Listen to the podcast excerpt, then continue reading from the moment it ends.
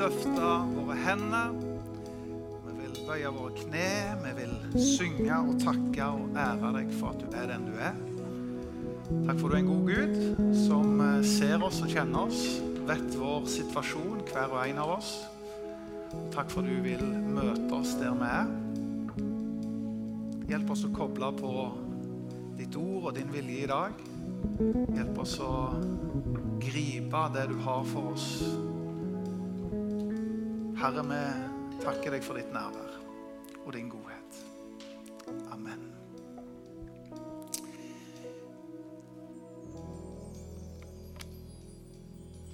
Jeg må si tusen takk til lovsangsteamet for at dere gjør det så utrolig lett å tilbe og ære og lovprise Gud. Min eh, subjektive mening, min, eh, etter min smak, så må det være et av landets beste lovsangsteam, så langt jeg kan forstå.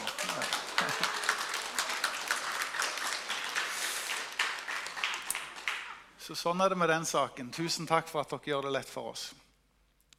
Så er det veldig fint å være på gudstjeneste igjen. Og selv med finvær så stiller folk opp. Det er flott å se. Ser òg eh, noen nye ansikt. Det er alltid ekstra kjekt. Så hjertelig varmt velkommen, du som kanskje ikke går her så ofte. Og så mener jeg jeg så noen Så jeg Rita her? Ja, der er du jo. Rita, vet du. Den bortkomne datter som har kommet hjem. Nei da, du bor godt der du bor, men kjekt å se deg, Rita. Og så Bjørnar, vår misjonær i Uganda for MAF. Han er her. Flott å se deg. Eh, hjemme en snarvisitt og skal få hilst på han eh, litt ekstra her neste søndag. Og du reiser tilbake igjen neste søndag òg, så det, det, er en snarvisitt. Men veldig kjekt å se dere alle sammen. Flott. Vi har en eh, taleserie som uh, sikkert en del har fått med seg. Vi får opp første skjermbilde der. og Det er rett og slett en overskrift som er kalt for 'Hallo, vi lever i 2022'. Det som er noe av målet med denne taleserien, det er å ta pulsen på den tida vi lever i.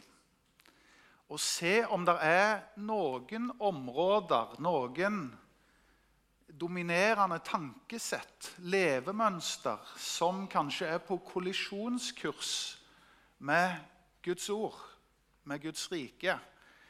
Identifisere det, våke, være våkne nok til å se det og modige nok til å adressere det. Og frimodige nok til å si kanskje Guds ord utfordrer oss til å være motstrøms på noen områder. Det å rett og slett eh, si at eh, vi kan gjøre Guds vilje til vår vilje og prøve å leve ut det som er en motkultur til det som vi måtte se på som er på kollisjonskurs.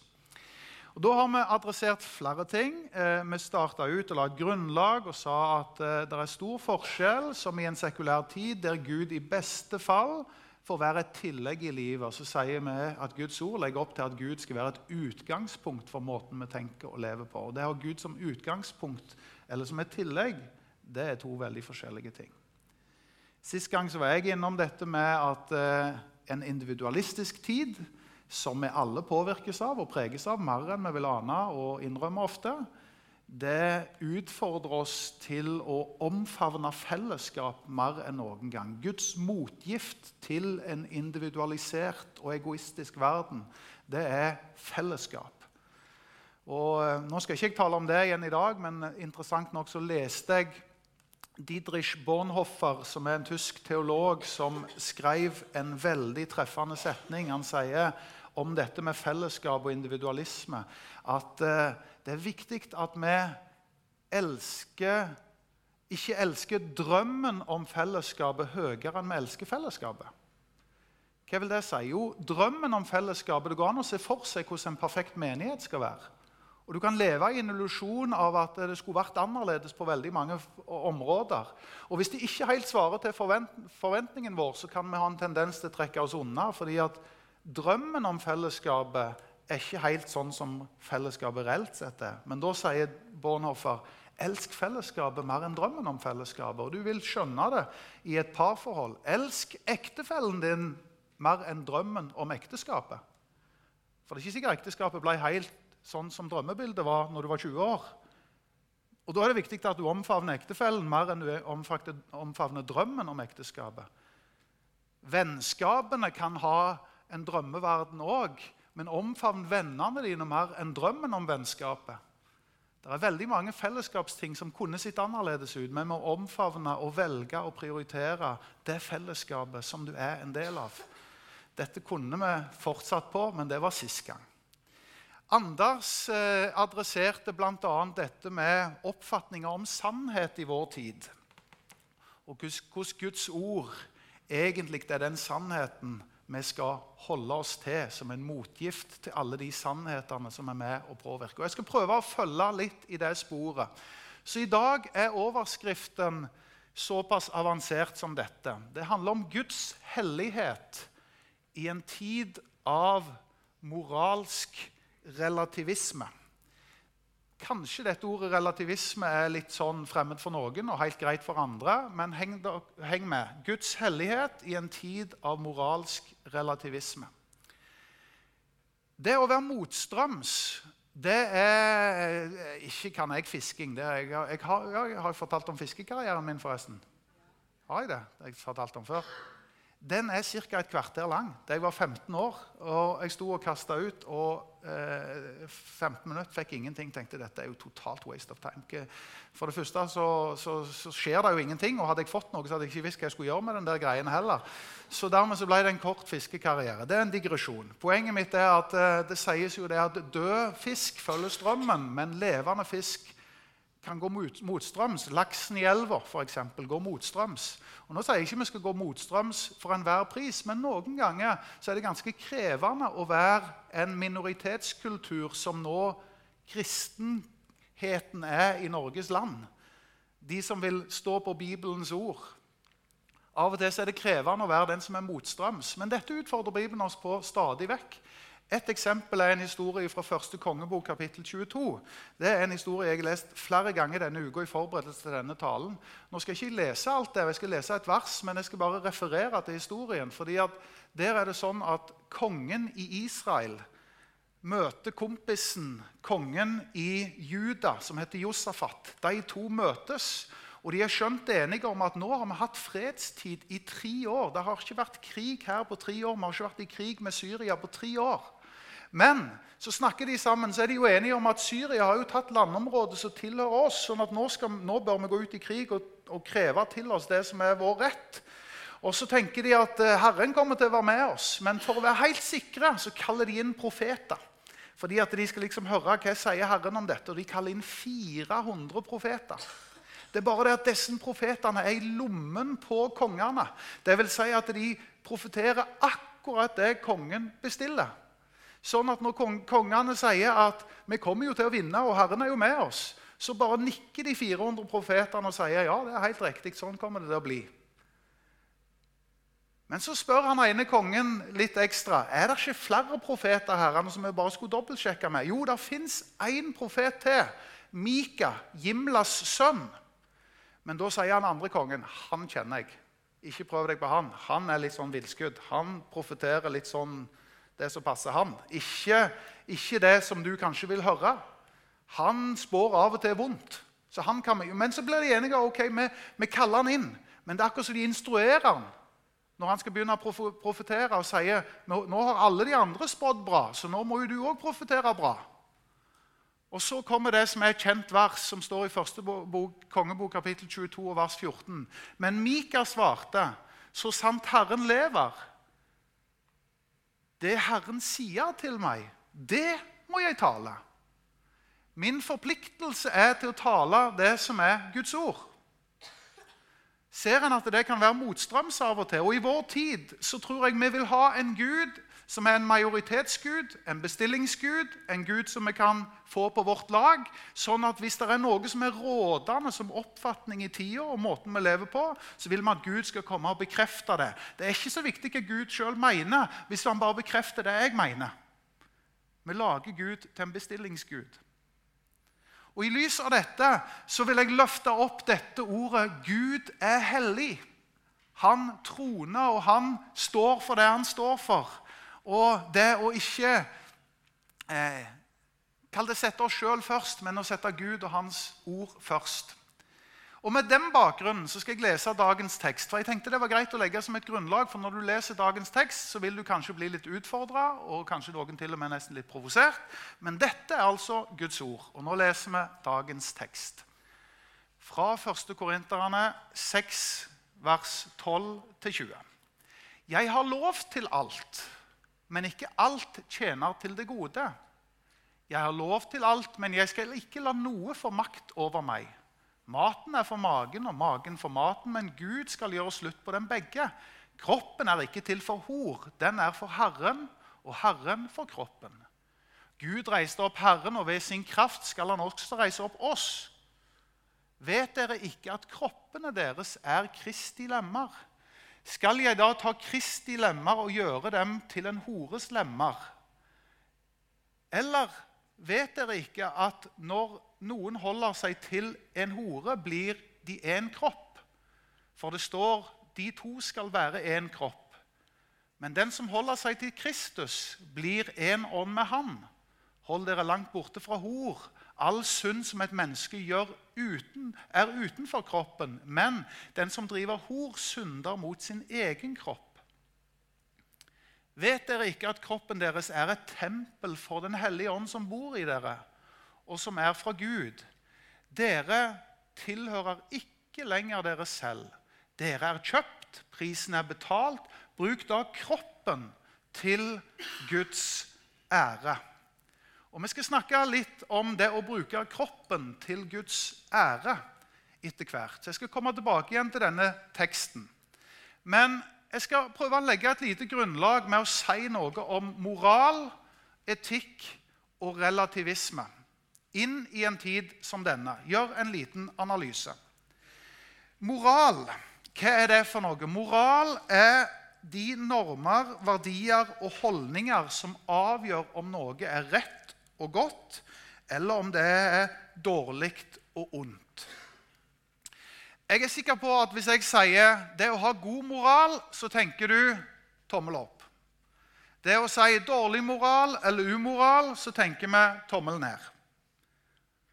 Så vi skjønner jo at god moral er noe bra, og dårlig moral er noe dårlig. Så spørsmålet er hva er god moral, hva er dårlig moral, og hvor er verden på vei? Er det sånn at vi i verden nå gjør moralske fremskritt? Eller er det moralske tilbakeskritt som er en del av tida vi lever i? Jeg er sikker på at Hvis du spør de fleste, ofte i kristne sammenhenger, så har vi en tendens til å se ekstra mørkt på verden. Fordi at vi tenker alt var bedre før, og nå er verden på et forferdelig sted, og det er moralsk forfall, og nå er alt grusomt. Og så vil jeg si at eh, For meg er det en unyansert eh, bilde. Jeg tror personlig at verden på veldig mange områder gjør moralske fremskritt.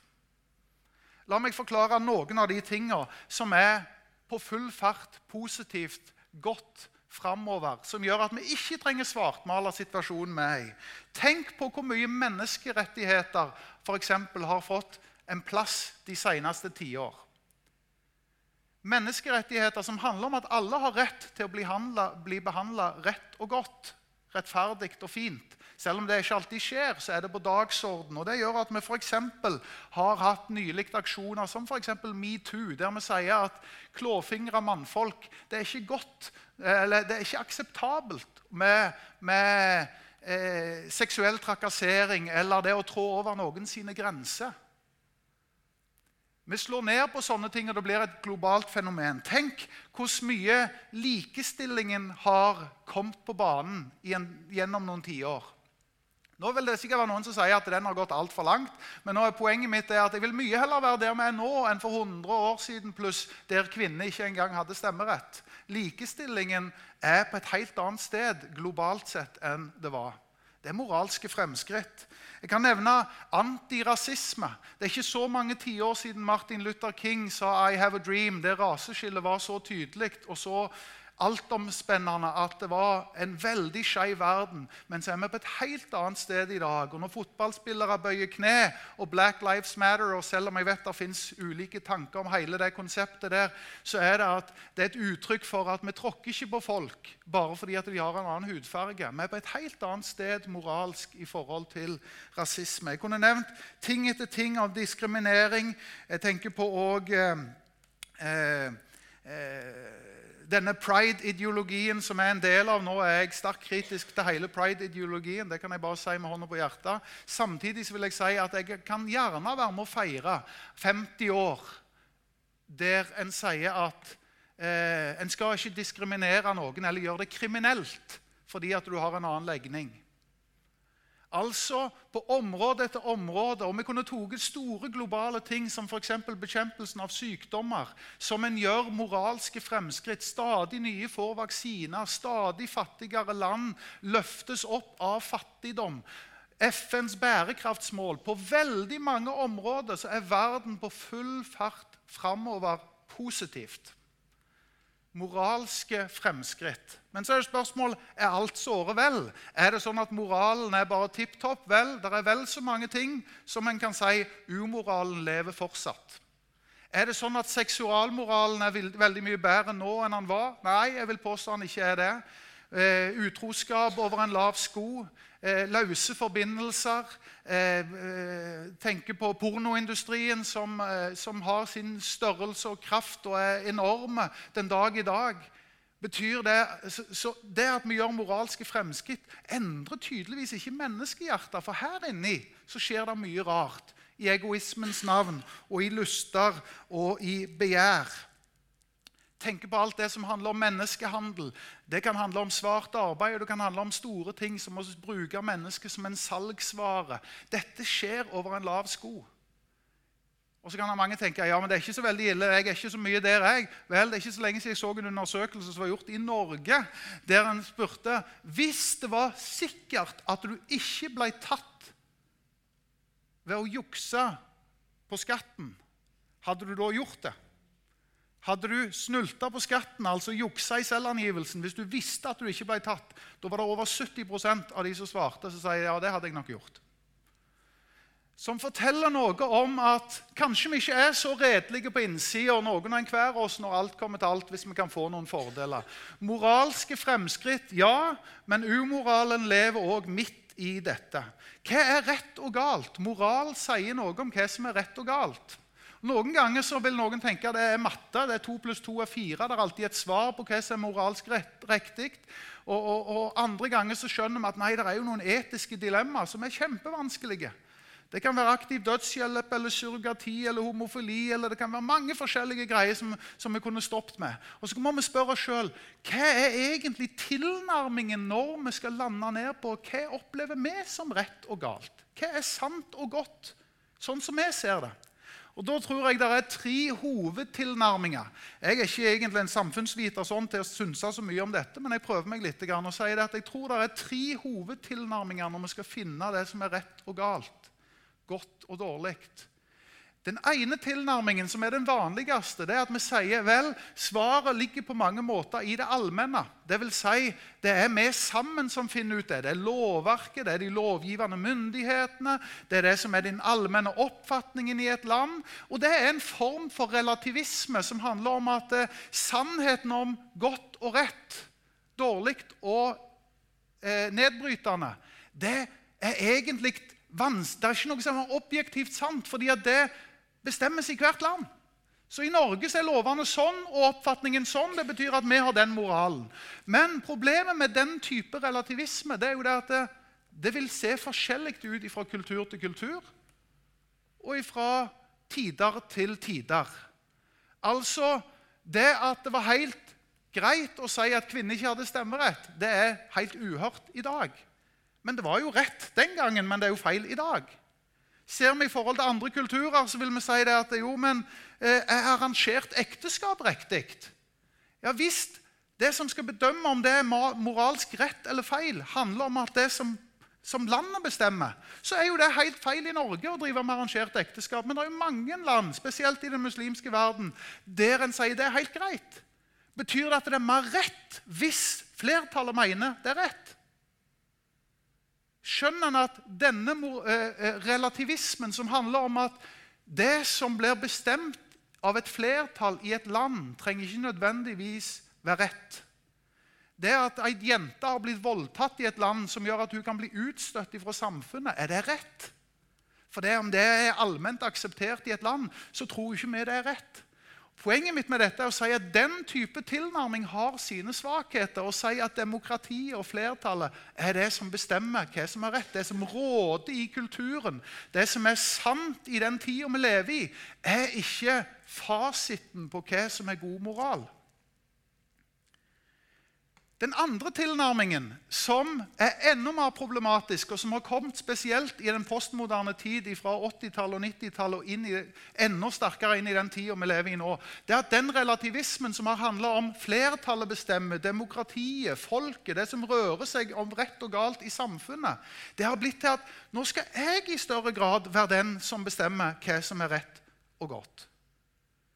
Ingen skal komme og fortelle meg hva som, er, hva som, er, galt, og hva som er feil eller rett eller godt. Jeg er sjøl min egen herre. Derfor så er det sånn i den oppfatningen at eh, det fins ingen absolutt, som ironisk nok er et absolutt. For hvis jeg sier det er ingen absolutt, men samtidig så sier jeg at det ikke er absolutt. Altså, Jeg motsier meg sjøl i en sånn en, men det er den rådende oppfatningen som dominerer det århundret som vi er inne i nå. Det er sånne ting som Bare for at du skal kjenne deg igjen og, og, og, og følge med, så er det liksom den moralske kodeksen i dette, denne måten å tenke på. Det er følg ditt hjerte. Følg følelsene, Vær tro mot følelsene dine. Følg din indre intuisjon. Du vet sjøl best. Hvis du bare får samtykke eller ikke skader noen, så vet du sjøl hva som er rett for deg, og hva som er sant og godt for deg. Altså en moralsk relativisme som er sånn at det får tusenvis av forskjellige uttrykk. Og Da er spørsmålet fins det objektive sannheter i en tid av moralsk relativisme, der jeg sjøl er den som bestemmer hva som er god moral og dårlig moral. For skal jeg være ærlig, så vet jeg at på innsida her så er det en miks av gode intensjoner og en evne til å fange det som er rett og godt, men òg at jeg er dønn åpen for å bli manipulert, for å bli påvirka. Det betyr at det er alltid en kilde til det jeg står for, og det jeg mener.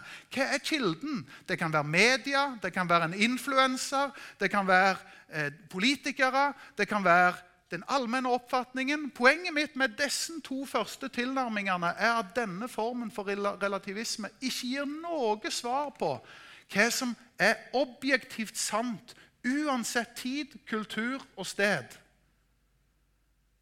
Og Da kommer du til den tredje tilnærmingen som jeg ber oss omfavne som troens folk. Det er at det fins en sannhet utenfor oss sjøl. Utenfor det allmenne.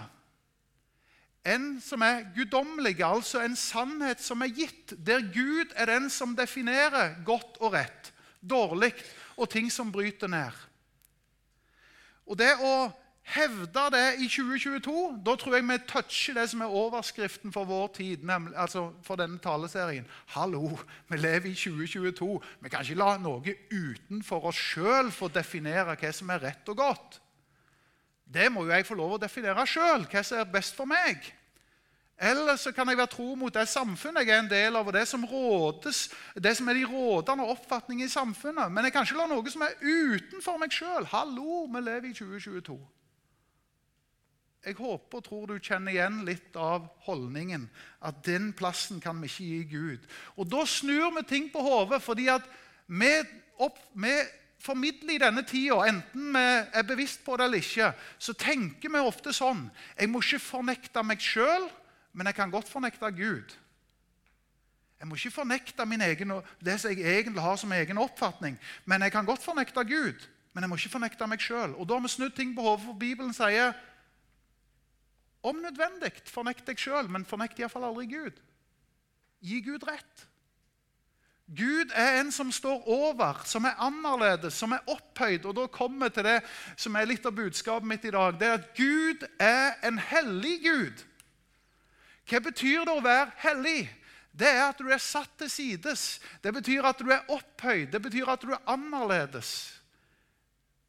Det betyr at du er den som er med å definere rett og godt. Og denne plassen ved å anerkjenne Gud som en hellig Gud, det er en utfordring for alle oss som tror, for ethvert menneske. Men det er den erkjennelsen vi skal komme til før eller senere, alle sammen. Når Jesaja ser inn i himmelen, så ser han Gud, får et glimt, og hans første utbrudd er Hellig, hellig, hellig er du. Altså, lyden av himmelen er at Gud er hellig. Lyden av lovsangen her i dag har faktisk vært at Gud er hellig. Har du merka det i hver sang? Så har vi snakket, sunget om at Gud er hellig. Det betyr at vi opphøyer Han som noe som står over. Som òg hjelper oss når vi skal finne både moral, etikk, si noe om det som er rett og godt, hva som ikke er bra, og hva som bryter ned. Så står vi på en objektiv sannhet utenfor oss sjøl. Og med denne holdningen her så kommer vi til eh, at jeg refererer til Fjerde Mosebok. fordi Fjerde Mosebok der er egentlig den store overskriften over hele den boka. Selv om den kan være ganske krevende å lese og ikke alltid forstå alt, så, så er den store overskriften der at Gud er hellig. 87 ganger i den boka så står det om hellighet. Og helligheten det smitter over på alt. Jeg skal bare ta en oppramsing her. Det står om eh, Gud som hellig. Det står om prestene som skal være hellige. Det står om klærne de skulle ha på seg, skulle være hellige. Det står om et hellig land, et hellig sted, en hellig dag, en hellig lov. Det står til og med om hellige kopper og kar. Og Det virker jo veldig underlig. Det er ikke sånn at du sitter hjemme Ja, Kanskje noen har finservis som er litt sånn hellig hjemme. Det er satt til sides for spesielle anledninger. Og Det er kanskje det nærmeste du kommer fjerde Mosebok, det er at det er noe som er hellig her. Det er noe som er satt til sides for spesielle anledninger. Vel, Poenget i fjerde Mosebok det er å si at det fins noe som er hellig, og Gud er hellige. Og så kommer du til et slags crescendo i fjerde Mosebok, kapittel 19, vers 2. Så sier Gud Guds ord dette. Dere skal være hellig, for jeg er hellig, sier Gud. Og Så plukker 1. Peters brev, Peter dette opp i 1. Peters brev, kapittel 1, vers 15. Vær hellige slik jeg er hellig. Altså søk det hellige. Omfavn Gud som en hellig Gud.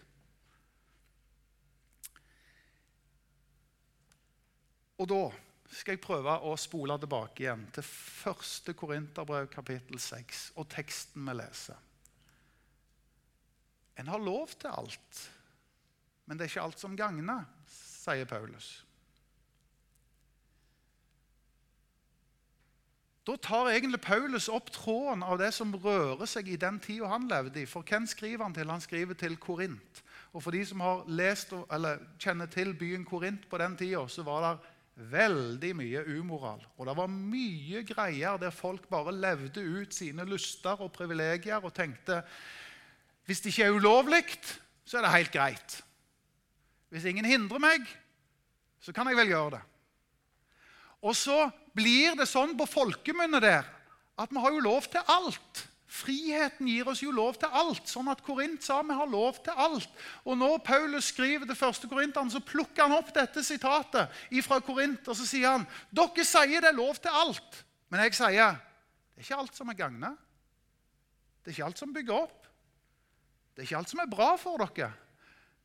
Og Så sier han videre noe om at noen ganger så synder vi, og da er det så åpenbart fordi at det ligger utpå. Det med å skade omgivelsene våre eller skade folk rundt oss. Og det er åpenbart synd. Mens andre ganger så er det sånn at vi til og med skader oss sjøl, og vi skjønner det ikke. Det vil si, det kan være lovlig i forhold til norsk lov, men det betyr ikke at det er bra. Eksempelvis utroskap. Det er ingen som ville tatt deg inn og dømt deg i en tingrett eller, eller, eller en høyesterett fordi at du var utro, eller fordi at du hadde dårlig seksualmoral. Så lenge det er lov, så er det greit, kan noen tenke. Men så sier Bibelen det går an å synde mot sin egen kropp. Det går an å gjøre ting med kroppen sin som ikke gjør at Gud blir æra. Og så sier, en, sier, Paulus videre noe om at kroppen vår som er gitt oss, kan vi ende opp med en sånn tanke om at den skal jeg bruke til privilegier. Jeg skal ikke først og fremst bruke den i pakten med Gud. Og Da snur vi ting på hodet, fordi at kroppen òg er til for å ære Gud, sier Paulus. Hvem kjenner seg ikke igjen i det? At jeg lyst, det jeg har lyst på, det som føles greit, enten det er mat eller om det er seksuelt, eller eh, om jeg, eh, jeg, er grådig og begjærer, ja, så, så, blir vi litt sånn som det der. Men så sier Gud det er ikke sikkert at for det om det er lov, at det er godt for deg. Og Da kommer det til å anerkjenne Gud som en hellig Gud og si at du har rett. Her adresserer han spesielt hor, og her står det om horer og greier. det er jo liksom, Skal vi snakke om det på en søndag? Det er ikke liksom det jeg hadde tenkt å komme her snakke om. Og, og, og det fins jo på ulikt plan. fordi at, at eh, eh, Går du ned til kjernen av ordet hor, så handler det om den seksuelle aktivitet som er utenfor en forpliktelse av et ekteskap. Og, eh, og dette adresserer Paulus ganske tydelig. Og da skjønner vi at vi er motstrøms. Vi skjønner vi er motstrøms fordi at er du helt på bærtur, liksom? Hallo, Lever du ikke i denne tida? Lever du helt i din egen verden? Og Da er jeg tilbake igjen til der jeg ville legge et grunnlag i første kongebok. At det Herren taler, det må vi stå for. I en tid av moralsk relativisme så må, må vi løfte opp at det fins en hellig Gud. Disse tingene her er jo veldig snudd på hodet. fordi For en del år siden så tror jeg vi kunne peke på en del umoral, men nå er det nesten sånn at de som er politisk ukorrekte, er de som blir umoralske. fordi at vi undertrykker folk og deres følelser. Folk må jo få lov å leve sånn som de vil. Så, ja, men Alt er lov, men det betyr ikke at alt gagner. Og Derfor så våger vi å holde opp en Guds standard og si noe om at vi vil bruke òg kroppen til å gi Gud ære. Og Da kom jeg inn på den bibelske praksisen som jeg lovte. For jeg sa vi skal lese Guds ord, snakke om samtida, prøve å si noe av de tingene som er kollisjonskurs, og så skal vi adressere det som er en motgift. Altså hvordan møter vi den tida her? Og Da fins det forskjellige åndelige disipliner eller bibelske praksiser som Bibelen løfter opp, som utfordrer oss alle mann alle. Fordi jeg er jo livredd for at det som skal bli utfallet av en sånn en forkynnelse eller en sånn holdning, det er at jeg blir selvgod og sier ja, jeg har skjønt hva Gud mener, og jeg lever ganske godt etter Guds vilje. Og så blir jeg på en måte moralens vokter som springer rundt og viser pekefinger til folk. Og Det er ikke min rolle, fordi at dette er først og fremst en utfordring som går innover, ikke utover. Det er nok av de som kan peke på andre sine eh, fliser, men som mangler innsikten til å se sin egen bjelke. Det vil si at Vi er ikke her for å være glansbildet for verden og si at vi fikser og får det til, og, og peke fing til de som ikke får til. Men det handler om at vi løfter opp en Guds standard og så sier vi vi er ikke noen glansbilde, men vi vil så gjerne være et speilbilde av Guds vilje, av Guds sak, av Guds ståsted. Vi anerkjenner Gud som en hellig Gud i livene våre. Og Da ønsker jeg å løfte opp denne åndelige disiplinen til slutt i talen i dag. Og Det er den åndelige disiplin av faste. Hva betyr faste for noe? Faste er å avstå fra. Det vil si, jeg kunne gjort det, men jeg velger å avstå. Jeg kunne spist, men jeg velger å la være å spise. Jeg kunne benke meg foran TV-en og slukt alle Netflix-seriene, men jeg kan òg velge å avstå ifra det. Faste er i sitt prinsipp, selv om det i bibelsk faste handler først og fremst om mat, så er det sånn at faste kan du i en utvida forstand si at det handler om å avstå ifra noe som du egentlig har mulighet til, eller rett til. Som ingen vil stoppe deg om du gjør, men du velger å avstå ifra det. Og Dette er en av tre kjernedisipliner Jesus løfter opp i Nytestamentet, altså på topp tre-lista av det Jesus fremholder. Vi kjenner disse ordene som å holde seg til ordet og bønnen og sånne ting. Det er sånne ting vi har hørt om før. Så er det ikke så veldig vanlig at vi hører om faste, fordi at, nah, vi har jo ikke noe problem. Vi har jo nok mat, vi har penger nok til å kjøpe mat, så det skal jo gå greit. Og så glemmer vi denne åndelige disiplinen av faste. Og så stiller jeg spørsmålet i dag. Skal vi løfte opp den disiplinen og si at jo, det kan være for meg en måte å uttrykke at det er noe som får mer plass enn noe som jeg trenger. Jeg trenger mat og drikke. så det er ikke sånn at jeg skal faste i årevis. Det ville vært døden. Men i perioder så skal jeg avstå fra for å vie meg til noe som er høyere og noe som er større. Jeg, eh, når jeg leste litt om fasen, så kom jeg over eh, eh, Wesley, som er metodistenes grunnlegger. Og uh, nå skal bare, bare, for at du skjønner at det jeg taler her, det er så snilt og så koselig at, uh, at du ikke trenger nesten å kjenne deg utfordra engang. fordi at den svovelpredikanten der Nå skal du bare høre hva John Wesley sa. sånn at Du skjønner du lever i en litt bedre tid nå enn det han sa. Skal du høre hva han sa. Jeg hører, for Han hadde fått rykte om noen metodister litt lenger oppe i England som hadde begynt å bli litt uh, slakke. Jeg hører rykter om såkalte metodister som bare faster, som ikke faster to ganger i uka, men kun to ganger i måneden. De er like lite på vei til himmelen som de som ikke ber til Gud, sier han. Så tenker jeg bare takk og lov at han ikke står på talerstolen på Betel. for det var ikke spesielt bibelsk, det han sa. Men det var en nidkjærhet som var litt sånn Hallo, mener vi alvor i det å søke Gud? Kan vi si det at kroppen er ikke først og fremst til for privilegier og lyster og begjær, men for å ære Gud? Det er sykt utfordrende for noen og enhver. Og da kommer jeg til det som er de siste tingene på sliden her. Hvorfor faster vi? Vel, det er mange tilnærminger på det, men et svar kan være at vi sulter kroppen for å fòre åndslivet. Av og til så har kjøttet litt godt av å bli strupa litt for å gi plass til noe annet. For alle dere som har fasta, vet dere litt om det at det du tok som en selvfølge med den frokosten og den middagen, det som er den mest selvsagte ting som du nesten ikke er takknemlig for engang, det blir plutselig sånn Å, himmel og hav. Tenk å få ei brødskive, liksom. Wow! Nå har jeg vært dager uten mat. herrene. Og så får du vie tid og uttrykke til Gud at det er noe jeg søker mer enn det jeg trenger akkurat nå. Jeg fòrer det åndelige og gir Gud plass og åndslivet plass, og av og til struper det kjødelige. For det andre så er det en måte å be på. fordi at Faste står ikke i Bibelen som en slankediett. Si at nå faster du, og så lager du litt åndelig og sier at nå faster jeg, og så er det egentlig en slank du er på. Det er helt greit. Det må du vel gjøre for, for din egen helse. det er helt greit. Men faste i bibelsk forstand det står i kombinasjonen med bønn. Det vil Si at det er noe du søker. Det er noe du spør Gud om. Og så innvier du deg på den måten der. Jeg var i Ålesund i går og møtte ei dame som eh, hadde vært på et bønnemøte. De hadde ei bønneuke der oppe, og hun hadde vært nå på onsdag på bønnemøte og fortalte at eh, denne dama her hadde aldri sagt noe høyt i en forsamling noen gang. Type stille, tilbakeholden, beskjeden.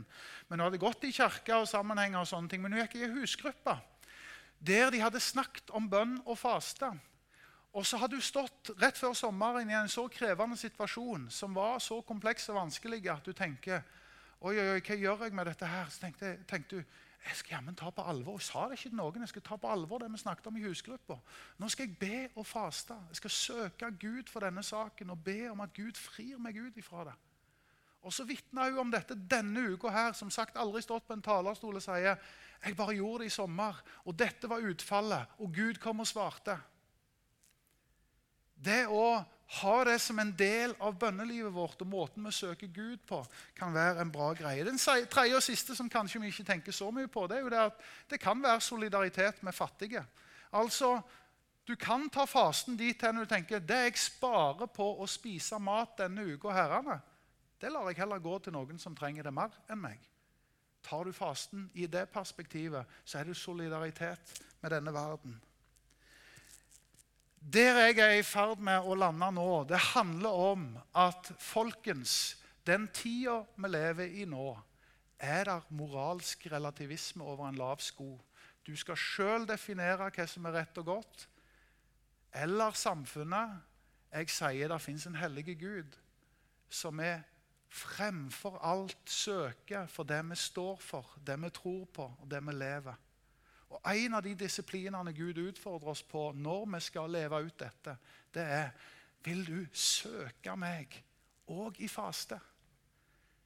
Jeg kaster ikke dette som en tvangstrøye over noe, men jeg håper det vekker en lyst til å si at jeg har utforska det åndelige.